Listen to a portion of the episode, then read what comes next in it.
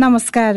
Radio कार्यक्रम स्वास्थ्य सन्देशमा स्वागत छ। म बिना उपाने स्वास्थ्य सन्देशमा हामीले तपाईँ हाम्रै स्वास्थ्यमा देखिने समस्या अनि समाधान खोज्ने प्रयास गर्नेछौँ। रेडियो क्यान्डेट बयानब्बे दशमलव सात मेगा हर्जमा कार्यक्रम स्वास्थ्य सन्देश। तपाईँले हाम्रो website W dot radio candidate dot com हाम्रो आधिकारिक फेसबुक पेज रेडियो क्यान्डिडेटको एप्स डाउनलोड गरेर तथा पोडकास्टमा समेत सुन्न सक्नुहुनेछ। नेपालीहरूको नाक मुख र घाँटीमा क्यान्सर हुने एलर्जी हुने र घुर्ने जस्ता गम्भीर खालका समस्याहरू आम रूपमा देखिने भए तापनि यी रोगबाट बस्न र उपचार गर्नका लागि खासै प्राथमिकता दिएको पाइँदैन।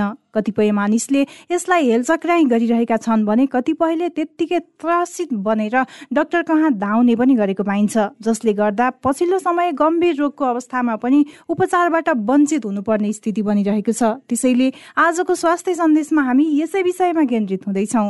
हामीलाई हाच्छौँ हाच्छौँ आइराख्ने नाक बग्ने अनि रुगा लागे जस्तो हुने रुगा चाहिँ कहिल्यै निको नहुने भनेर आउनुहुन्छ। हुँदा हुँदा के हुन्छ भन्दाखेरि दुई महिना तिन महिना चार महिनामा नाकभित्र चाहिँ एलर्जीको एउटा पोलिप भनेर भन्छौँ ऐजरू पलाउन सक्छ। त्यो ऐजरूले गर्दाखेरि दुइटै नाक बन्द हुने अन्तत अपरेसन गरेर त्यसलाई फाल्न पर्ने अथवा चाहिँ त्यसमा फङ्गसको ग्रोथ हुने अनि त्यसलाई पनि अलिकति ठुलो सर्जरी गर्न पर्ने आदि इत्यादि हुन सक्छ कार्यक्रम सुरु गरौँ। आजको जानकारीबाट। आजको जानकारीमा हामीले घाँटीमा हुने एलर्जीको बारेमा समग्र जानकारी दिँदैछौँ। जानकारीको साथमा हुनुहुन्छ साथी यमुना राणा। घाँटीमा हुने एलर्जीको समस्या विकसित देशमा झन धेरै छन्। अध्ययनले देखाए अनुसार फोहोरबाट विभिन्न संक्रमण हुन्छ। संक्रमण कम भएर सरुवा रोगहरू कम भए भने त्यस्ता ठाउँमा एलर्जी बढी पाइएको छ। एलर्जी पनि अहिले हुने खानेको रोग जस्तो हुँदै गएको छ। विकसित देशमा एलर्जी धेरै र हामी कहाँ देखिने भन्दा धेरै कडा भएको पाइन्छ। हाम्रोमा चाहिँ अरू कारण छन्। प्रदूषणका कारण पनि नाकमा सुक्खापन आउने खसखस गराउने हुन्छ। कोभिडको कारण लकडाउनमा एलर्जीको समस्या निकै घटेको थियो। त्यसबेला वर्षभरि नै नाकबाट पानी बग्ने हाछ्यौँ आउने घाँटी खसखस गर्ने समस्या भएन भन्नेहरू धेरै थिए। कोभिडले गर्दा मास्कको प्रयोग अधिक भएको सवारी साधन कल कारखाना सञ्चालन नभएका कारण प्रदूषण कम भएकाले एलर्जीको समस्या पनि कम भएको पाइयो। यसलाई नै आधार मान्दा पनि प्रदूषण नियन्त्रण आवश्यक छ। एलर्जी र संक्रामक रोगबाट बस्नका लागि मास्कको नियमित प्रयोग गर्नु र प्रदूषित क्षेत्रभन्दा सकेसम्म टाढा बस्नुपर्छ। आफूलाई एलर्जी के कारणले भएको छ यसबाट बस्नु नै प्रभावकारी उपचार हो। बस्दा बस्दै पनि एलर्जी भएमा लक्षण कम गर्नका लागि औषधि प्रयोग गर्न सकिन्छ तर एकपटक औषधि उपचार गरेपछि कहिल्यै नआउने भन्ने चाहिँ हुँदैन।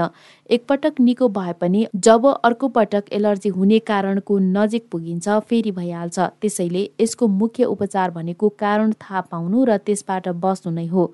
नाकबाट पानी बग्ने घाँटी खसखस हुने रुगा लागे जस्तो हुने हाच्छेउ आउने जस्ता एलर्जी हुँदा धेरैले आफू खुसी औषधि प्रयोग गरेको देखिन्छ। यस्ता औषधि लामो समय प्रयोग गर्नु हुँदैन। कुनै कुनैमा अलि बढी साइड इफेक्ट पनि छन्। डिकोल राइनेक्स साइनेक्स लगायतका एलर्जीको लक्षण कम गर्ने औषधिहरू आफू खुसी बारम्बार एलर्जीमा प्रयोग गर्ने गरेको पाइन्छ। यस्ता औषधि सस्ता छन् जताततै पाइन्छन् र कडा पनि छन्। यी केही औषधि चार पाँच दिनभन्दा बढी प्रयोग गर्नु नहुने खालका छन्। यी औषधिले अरूको कुरा सुनेर वा कुनै कुरा देखेर तुरुन्तै गर्ने निर्णय वा प्रतिक्रिया सुस्त बनाइदिन्छन्। यस्ता औषधि खाएका बेला सवारी चलाउन हुँदैन। औषधि सकिएको दुई दिनपछि मात्रै सवारी चलाउनु उपयुक्त हुन्छ। सकेसम्म एलर्जीमा आफू खुसी औषधि प्रयोग गर्नु हुँदैन। घाँटी दुख्ने खसखस हुने खोकी लाग्ने नाकबाट पानी बगिरहने हाच्छिउँ आइरहने समस्या एलर्जी हो। नाक बन्द हुने हाच्छिउँ आउने नाकबाट पानी बग्ने र नाक चिलाउने भएको छ भने त्यो एलर्जी हो। साथै यस्ता लक्षण भएकाहरूले पिनास भयो भनेर पनि शङ्का गर्छन् तर यो पिनास पनि होइन। एलर्जीमा टाउको पनि दुख्दैन। घाँटीको एलर्जी हुँदा घाँटीको भित्री भागमा चिलाए जस्तो खसखस हुने सुक्खा खोकी लाग्ने घाँटी सफा गरिरहनु पर्ने हुन्छ। अलि पुरानो हुँदै गएपछि घाँटीमा केही अड्किएको बिजाएको जस्तो अनुभव हुन्छ। अहिले देखिएको कोभिडको ओमिक्रोन भेरिएन्टमा घाँटी एकदमै दुख्छ। हेर्दा घाँटीमा टन्सिल पनि हुँदैन। अरू समस्या पनि हुँदैन तर थुक निल्दा एकदमै दुख्ने हुन्छ। घाँटी दुख्ने निल्न गाह्रो हुने बोल्दा गाह्रो हुने र स्वर परिवर्तन हुने हुन्छ। कसै कसैको आवाजमा परिवर्तन आउने हुन्छ। कतिपयको चाहिँ जन्मजात नै नाकको हड्डी बाङ्गो हुन्छ। शरीरको तौल ठिक हुन्जेल त्यसले खासै असर गर्दैन। मोटाएपछि बोसोको कारण साँगुरो हुन्छ। त्यसले पहिलेदेखि भएको समस्या बढाइदिन्छ र घुर्ने समस्या हुन्छ। टन्सिलको साइजले पनि सास फेर्न असर गर्छ। त्यसै गरी घाँटी छोटो र मोटो भएको अनि शरीरको तौल अलि बढी भएको मानिसलाई पनि घुर्ने समस्या हुन्छ। घुराइ नियन्त्रणका लागि पहिला त तौल घटाउनु पर्छ। सुत्ने बेला चिया कफी खानु हुँदैन। यसलाई ग्यास्ट्रिकले पनि असर बढाउने भएकाले ग्यास्ट्रिकको उपचार गराउनु पर्छ। एलर्जीको समस्या छ भने तिनीहरूबाट पनि जोगिनुपर्छ सिरानी नमिल्दा सुताइको पोजिसन नमिल्दा पनि घुर्ने समस्या हुन्छ। तर यो दीर्घकालीन हुँदैन। मिलाएर सुतेमा समस्या समाधान तत्काल हुन्छ। नाक मुख घाँटीमा समस्याको गम्भीर किसिमका दुष्परिणाम हुन सक्ने भए पनि आम मानिसले कम महत्त्व दिने हेलचक्राइ गर्ने र कतिपयले चाहिँ ज्यादै त्रसित हुने अनि गलत उपचार पनि गर्ने गरेको पाइन्छ। यी प्रवृत्ति ठिक होइनन्। यस सम्बन्धी समस्याबाट बस्न व्यक्ति आफै सचेत हुन र रोगको शङ्का भएमा विशेषज्ञको परामर्शमा सही उपचार गर्नु नै उत्तम हो। पछिल्लो समय बढेको घाँटीको एलर्जीको बारेमा जानकारी दिँदै हुनुहुन्थ्यो साथी यमुना राणा। रेडियो क्यान्डिडेट बयानब्बे दशमलव सात मेगा हर्जमा कार्यक्रम स्वास्थ्य सन्देश। तपाईँले हाम्रो website W W W dot radio candidate dot com हाम्रो आधिकारिक फेसबुक पेज रेडियो क्यान्डिडेटको एप्स डाउनलोड गरेर तथा पोडकास्टमा समेत सुन्न सक्नुहुनेछ। मौसम परिवर्तन भएसँगै मानिसहरूको घाँटी खसखस गर्ने र दुख्ने समस्या अत्याधिक बढेको छ। तर घाँटी खसखस गर्ने विभिन्न कारणहरू हुन्छन् जसमध्ये मुख्य कारण भनेको घाँटीको एलर्जी नै हो। घाँटीमा खसखस वायु प्रदूषणको कारणले पनि हुने चिकित्सकले बताएका छन्। यसले घाँटीको मात्रै होइन हाम्रो शरीरको जुनसुकै भागमा पनि असर गर्न सक्छ। जाँड रक्सी सेवन गर्ने चुरोटको सेवन गर्ने धेरै चिल्लो पदार्थ अर्थात् पिरो चिल्लो खाँदा पनि घाँटीमा यस्तो खालको समस्या हुन सक्छ। वातावरणमा भएको सामान्य कुरालाई शरीरले पचाउन नसकेर रियाक्सन गरेको अवस्थामा पनि एलर्जी हुन्छ। अहिलेको मौसम पनि यस्तै खालको छ जसले गर्दाखेरि हाम्रो शरीरमा धेरै खालका एलर्जीहरू देखा परिरहेका छन्। कसैलाई धुलोले कसैलाई चिसोले कसैलाई प्रदूषणले कसैलाई फुलको परागले कसैलाई कुकुर बिरालो आदिको कारणले पनि एलर्जी हुने चिकित्सकले बताएका छन्। घरमै हुने मसिना किराहरूको फोहोरले पनि धेरैजनालाई एलर्जी हुने गर्दछ। यी वस्तु शरीरमा कतैबाट पनि पस्यो भने शरीरले नपचाएको अवस्थामा प्रतिक्रिया गर्छ र एलर्जी हुने गर्दछ। त्यसैले आजको स्वास्थ्य सन्देशमा हामी यसै विषयमा केन्द्रित भएर कुराकानी गर्दैछौँ। कुराकानी गर्नको लागि हामीसँग हुनुहुन्छ वीर अस्पतालमा कार्यरत नाक कान घाँटी रोग विशेषज्ञ डाक्टर दिपेन्द्र गौतम। सुनौ उहाँसँग गरिएको यो कुराकानी। स्वागत छ डाक्टर साहब स्वास्थ्य सन्देशमा। धन्यवाद। पछिल्लो समय यो घाँटीमा कस्ता कस्ता खालका समस्या चाहिँ धेरै देखा परेका छन् डाक्टर साहब? अब अहिले यो महामारीको कोभिड रोग पछाडि घाँटीमा मुख्यतया देखा पर्ने भनेको घाँटी दुख्ने खोकी लाग्ने घाँटी खसखसाउने आदि जस्ता रोगहरू चाहिँ बेसी देखिएका छन्। यसमा चाहिँ अब कसैलाई ज्वरो आएर अथवा कसैलाई ज्वरो नआइकन र कसै कसैलाई रुगामर्की सँगै जोडिएका पनि रोगहरू देखिएका छन्। कतिपयले चाहिँ भन्ने गर्नुहुन्छ अब घाँटीमा अरू कुनै खालको समस्या पनि नदेखिने तर घाँटी धेरै जति बेला पनि खसखस हुने भनेर यस्तो चाहिँ किन हुन्छ डाक्टर अब यसको दुईटा तिनवटा पाटाहरू छन् जस्तो कसै कसैलाई रुगामर्की लाग्नको लागि रुगा लगती लाग्नुभन्दा अगाडि कान चिलाउने कानको भित्री भागमा विशेष गरी घाँटी चिलाउने नाकदेखि पछाडिपट्टिको भाग चिलाउने हुन्छ। अनि त्यस पछाडि अन्तत त्यो अवस्था भनेको इरिटेसन भएको अवस्था हो त्यो ठाउँमा चाहिँ सामान्य इन्फ्लामेसन सुन्निएको अवस्थाको कारणले गर्दाखेरि त्यस्तो हुन्छ। एउटा चाहिँ इन्फेक्सन हुनुभन्दा अगाडिको अवस्था हो। दोस्रो भनेको कसै कसैलाई एलर्जी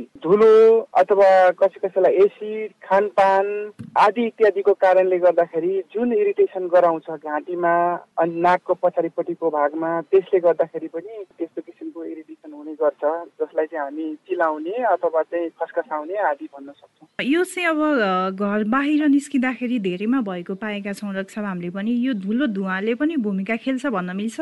अवश्य धुलो र धुवा भन्नाले विशेष गरी हाम्रो इन्भाइरोमेन्टमा भएको जुन धुलो हुन्छ त्यसले चाहिँ के गर्छ भन्दाखेरि धेरै मान्छेहरूलाई चाहिँ सजिलो भाषामा भन्दाखेरि एलर्जी भन्छौँ तर अलिकति जटिल भाषामा मेडिकल टर्ममा हामी चाहिँ हाइपर सेन्सिटिभिटी भन्छौँ। एकचोटिमा सामान्य रूपमा रियाक्सन देखाउँछ दोस्रो तेस्रो गर्दै गर्दै इरिटेसन गर्दै गर्दै गर्दाखेरि यसले चाहिँ हाम्रो घाँटीमा रहेको म्युकोसा नाकभित्र रहेको म्युकोसा साथै घाँटीभन्दा तल अझ श्वास पर्ने श्वास नलीको म्युकोसालाई इरिटेसन गर्छ।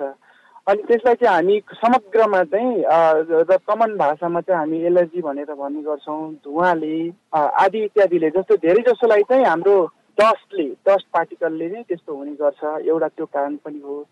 र अरू कारणहरू पनि साथसाथै जोडिएका हुन्छन्। एउटै मात्रै कारणले त्यस्तो हुने अथवा चाहिँ नहुने भन्दा पनि त्योसँग साथसाथै कहिलेकाहीँ अन्य घाँटीको इन्फेक्सन अनि कसै कसैलाई ग्यासको समस्या जसलाई हामी जिआरडी भन्छौँ एसिड रिफ्लक्स भएर घाँटीमा अथवा नाकदेखि पछाडिपट्टि भागमा पोल्ने आदि इत्यादि गर्दा पनि यस्तो समस्या आउन सक्छ। भनेको यसरी बुझ्दा पनि भयो कि पेटमा पनि समस्या छ भने घाँटीमा पनि यसले असर गर्ने भयो? अवश्य हो। पेटमा समस्या छ लङ टर्मदेखि चाहिँ खानपानमा समस्या छ ग्यासको प्रब्लम छ अथवा चाहिँ मोटापा छ अनि खानपान मिलेको छैन स्ट्रेस छ भनेदेखि हाम्रो खाना नलीको तल्लोपट्टि भागमा एउटा रोक्ने एउटा स्पिन्टर हुन्छ त्यो खुल्न जान्छ। अनि त्यहाँबाट चाहिँ हाम्रो एसिडहरू माथितिर विशेष गरी सुतेको अवस्थामा आउँछ। दिन प्रतिदिन आज भोलि पर्सि र लङ टर्ममा चाहिँ यसले घाँटीमा समस्या पैदा गर्छ। घाँटीमा मात्रै होइन नाकमा र नाक पछाडिको भागमा र इभन कानमा पनि समस्या गर्ने हुनसक्छ।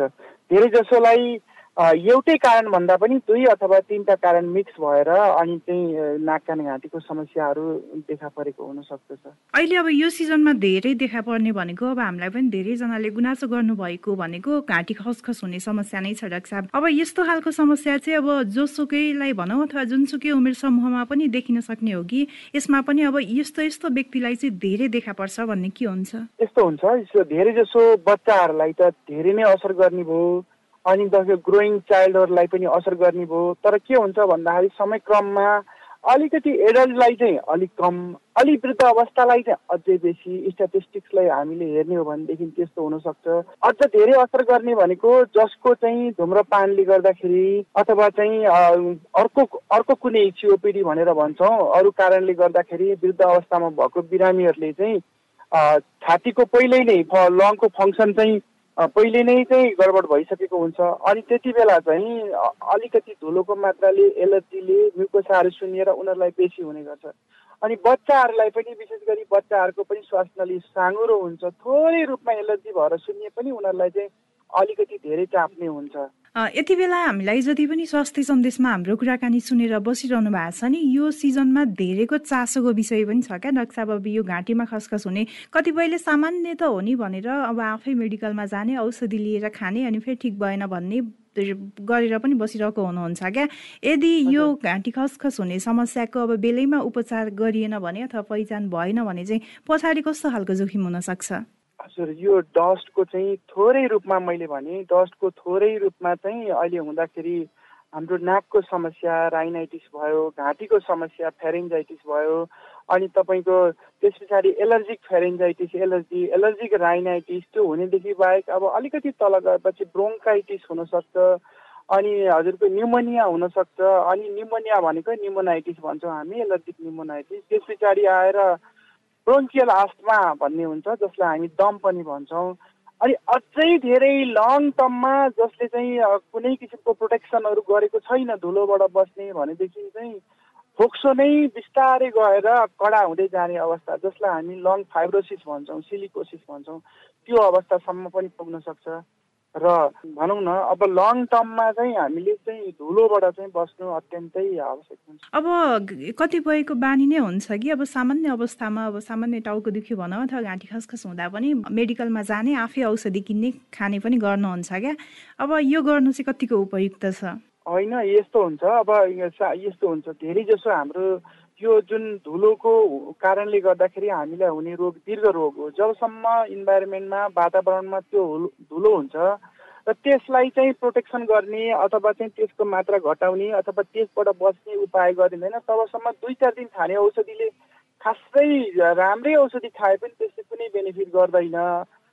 दुई चार दिन खाँदाखेरि केही राम्रो भए जस्तो होला तर अन्तत त्यसको त्यो समाधान होइन। त्यसलाई चाहिँ अब हाम्रो के कारणले हो त्यो पत्ता लगाएर नै उपचार गर्नु दबाई खानु राम्रो हुन्छ? चिकित्सकलाई भेटेरै देखाएरै कुन अवस्थाको कन्डिसन हो? त्यसरी सोधेर नै खानु राम्रो हुन्छ। कहिलेकाहीँ एलर्जिक राइनाइटिस भनेर भन्छौँ हामीलाई हाच्छौँ हाच्छौँ आइराख्ने नाक बग्ने अनि रुगा लागे जस्तो हुने रुगा चाहिँ कहिल्यै निको नहुने भनेर आउनुहुन्छ। हुँदा हुँदा के हुन्छ भन्दाखेरि दुई महिना तिन महिना चार महिनामा नाकभित्र चाहिँ एलर्जीको एउटा पोलिप भनेर भन्छौँ ऐँजहरू पलाउन सक्छ। अनि त्यो ऐँजरूले गर्दाखेरि दुइटै नाक बन्द हुने अनि तपाईँको पछि चाहिँ अन्तत अपरेसन गरेर त्यसलाई फाल्न पर्ने अथवा चाहिँ त्यसमा फङ्गसको ग्रोथ हुने अनि त्यसलाई पनि अलिकति ठुलो सर्जरी गर्न पर्ने आदि इत्यादि हुनसक्छ। अनि क्षणिक लिने दबाईहरू कहिले काहीँ स्टोराइड दबाईहरू एन्टिस्टामिनिक दबाईहरू औषधि पसलले जथाभावी लिइरहेको दिइरहेको हुन्छ।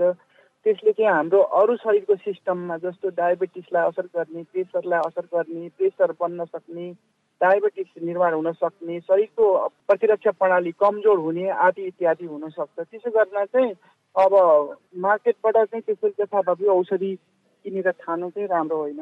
अब यो घाँटीमा पनि अब धेरै खालको समस्या भनेर अघि नै भनिसक्नु भएको छ होइन? कस्तो अवस्थालाई चाहिँ हामीले सामान्य मान्न सक्छौँ र अब कस्तो कस्तो खालको लक्षण देखा पर्यो भने चाहिँ जटिल हो भनेर बुझ्नुपर्छ डाक्टर जस्तो भर्खरै सुरु सुरुवातको छ जस खसखसाको छ इरिटेसन मात्रै हो अनि ऐनामा हेर्दाखेरि रातो देखिएको छ केही समयको हो सामान्य मास्क लगाउँदा अथवा तातो पानी खाँदा अथवा गार्गल गर्दा त्यो ठिक भइरहेको अवस्था छ कन्ट्रोल छ भनेदेखि चाहिँ त्यो त्यसलाई चाहिँ सामान्य अवस्थै मान्नु पऱ्यो जब चाहिँ कस्तो हुन्छ भने कसै कसैलाई नाक दुवै नाक बन्द हुन थाल्छ।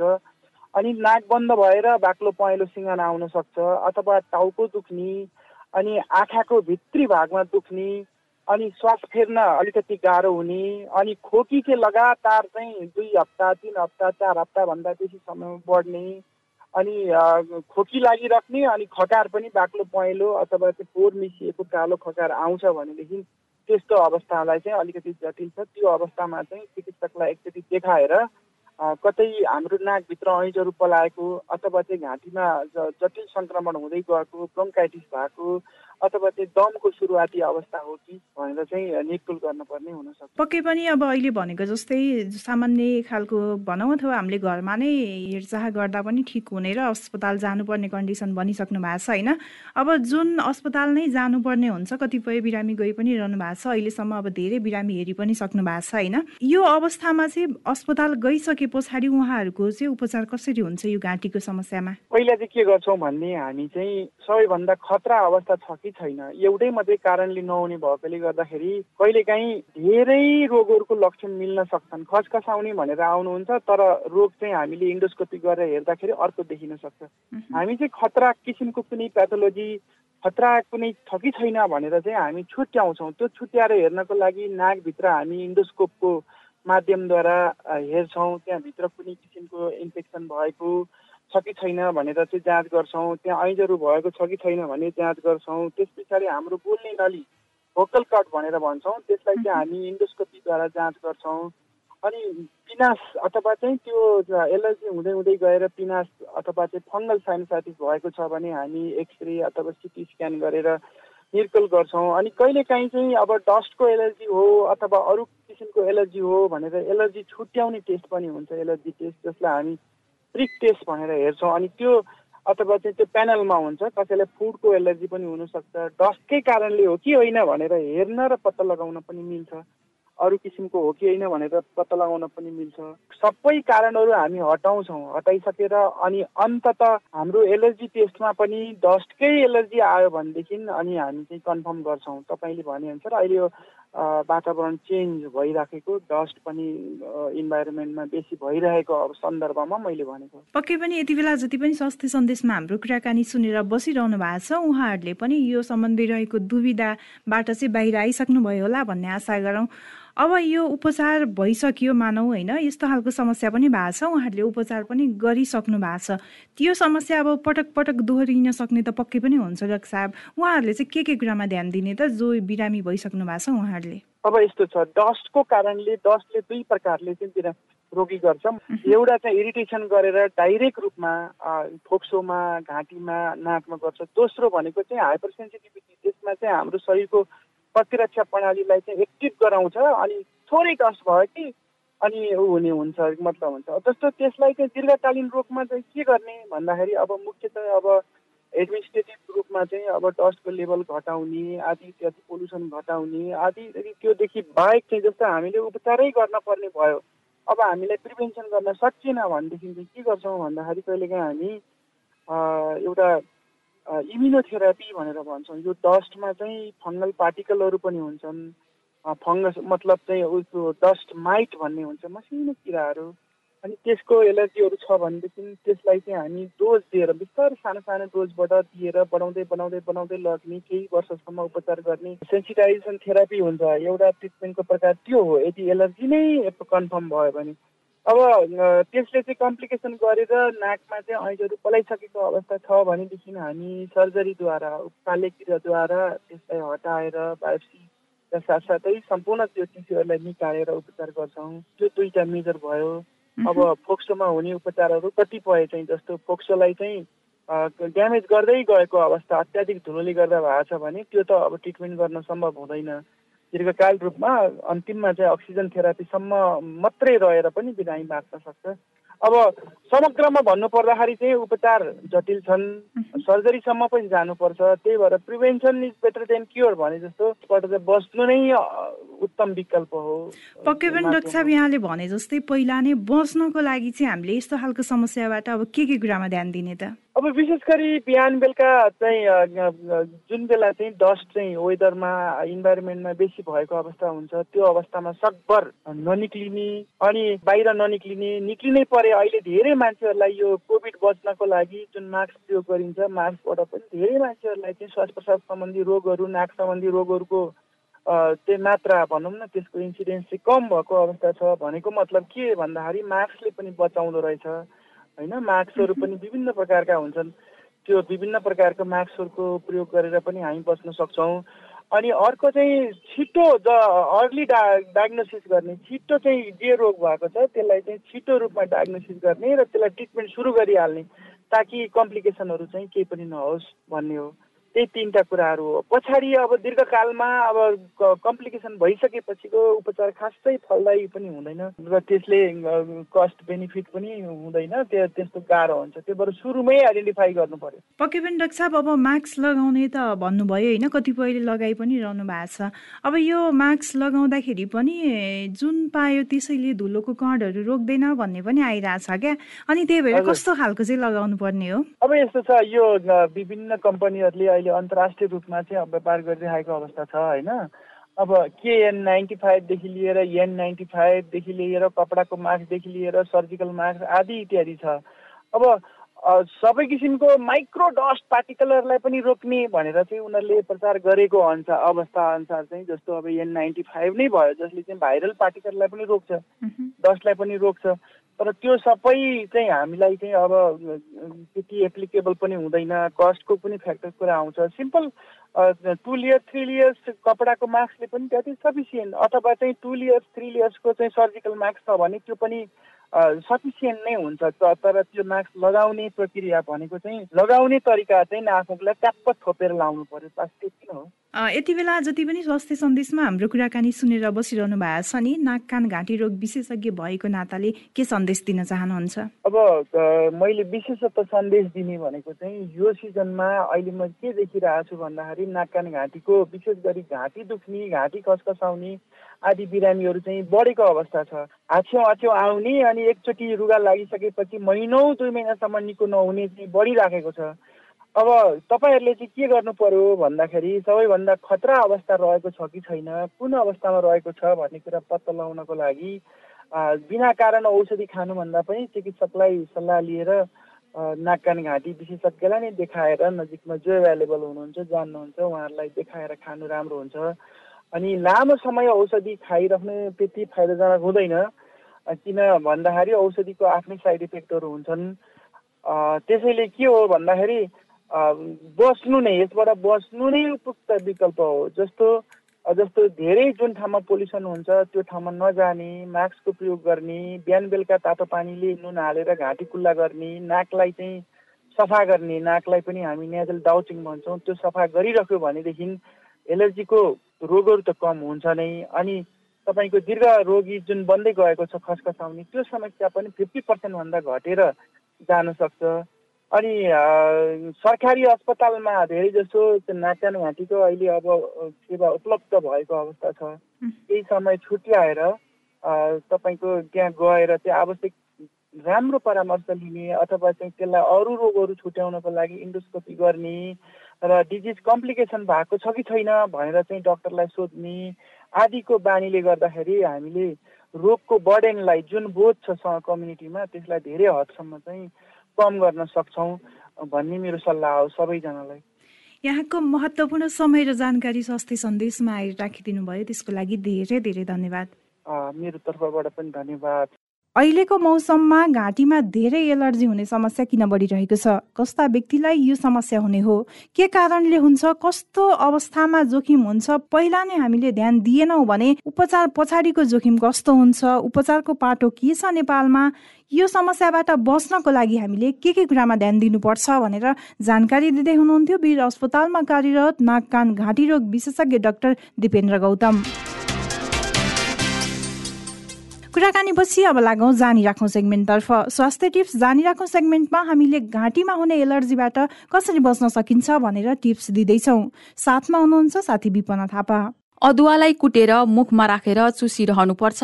अदुवाको रसले पनि घाँटी खसखस गर्ने समस्याबाट मुक्ति मिल्छ। एक कप पानीमा चार पाँच मरिच वा तुलसीका केही पत्ताहरूलाई उमाल्ने र काँडा बनाउने उक्त काँडालाई दिनमा दुई पटक सेवन गर्ने यसले पनि घाँटीको समस्या समाधानमा सहयोग पुर्याउँछ। मरिचको धुलोमा मह मिसाएर खानुपर्छ। यसले घाँटीको खसखस मात्र होइन खोकी लागेको बेला समेत राहत मिल्छ र तपाईँको घाँटीले आराम पाउँछ। घाँटीसँग सम्बन्धित प्राय सबै समस्याका लागि बोझो रामबाण नै मानिन्छ। यसको प्रयोग गायक गायिकाहरूले आफ्नो आवाजलाई सुमधुर बनाउनका लागि गरिरहेका हुन्छन्। बोझो मुखमा राखेर चुसिरहनुपर्छ। यसको रसले तपाईँको घाँटीलाई आराम दिन्छ। केही राम्रा ब्रान्डका घरेलु ट्याब्लेटहरू बजारमा पाइन्छन् जुन अदुवा बोझो मरिचको मिश्रणबाट बनाइन्छ। उक्त ट्याब्लेट चुसिरहनाले पनि तपाईँलाई फाइदा हुन सक्छ। तर यस्ता औषधिहरू केवल राम्रो आयुर्वेदिक तर यस्ता औषधिहरू केवल राम्रो आयुर्वेदिक ब्रान्डको मात्र किन्नुपर्छ। मनतातो पानीमा थोरै नुन मिसाएर यसले कुल्ला गर्नुपर्छ। यसले तपाईँको घाँटीमा रहेका किटाणुहरूलाई भगाउँछ। कुल्ला गरेपछि तपाईँलाई निकै राहत महसुस हुनेछ। खास गरी घाँटी खसस खास गरी घाँटी खसखसको समस्याबाट बस्नका लागि वातावरण र खानेकुरामा विशेष ख्याल राख्नुपर्छ। प्रदूषित ठाउँमा धेरै नबस्ने मद्यपान धुम्रपानमा नियन्त्रण गर्ने चिल्लो पिरो धेरै नखाने गर्दा पनि यस्तो समस्या कम हुँदै जान्छ। परीक्षण गर्दा कुनै पनि कारण पत्ता लागेन भने मानसिक तनावले पनि घाँटी खसखस गरेको हुन सक्छ।